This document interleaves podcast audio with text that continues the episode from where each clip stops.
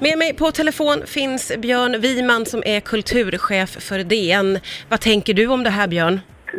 Ja, det är ju eh, väldigt tråkigt tycker jag. Jag menar, eh, vet ju de flesta vid det här laget att svensk, eh, svensk, Sverige har inte så många lyskraftiga och lysande intellektuella personer som Sara Danius är. Jag menar, hon har ju med rätta blivit väldigt beundrad under de år som hon var eh, Svenska Akademins ständiga sekreterare och även året efter som har gått.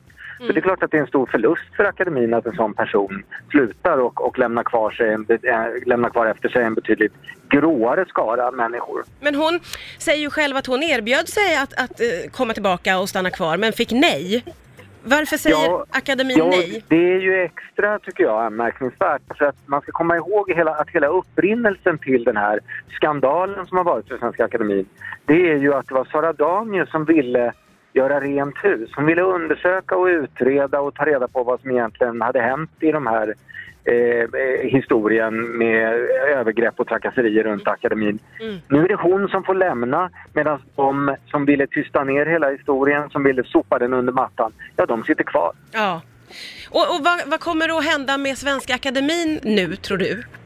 Alltså Svenska Akademin har ju redan idag stora problem som de inte hade för några år sedan. Svenska Akademin idag är en institution i spillror, det är en institution som har allt kvar att vinna tillbaka när det gäller förtroende för den svenska allmänheten. Jag tror att de flesta som lyssnar på det här programmet känner själva att det, det är svårt att ta Svenska Akademin på allvar. Och det är klart att nu fick man chansen, tycker jag, att få tillbaka sin kanske mest beundrade ledamot mm. och få tillbaka henne som, som arbetsledare och chef och ansikte utåt. Och där, då tackade man nej till den chansen. Det är oerhört märkligt alltså. Ja.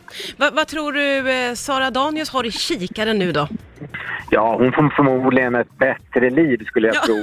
Eh, faktiskt som fri författare och som eh, professor i litteraturvetenskapen att sitta och stångas med Horace Engdahl varje torsdag till, till eh, livets slut. Det, jag menar, det framstår nog inte som ett särskilt lockande perspektiv för, för, för henne.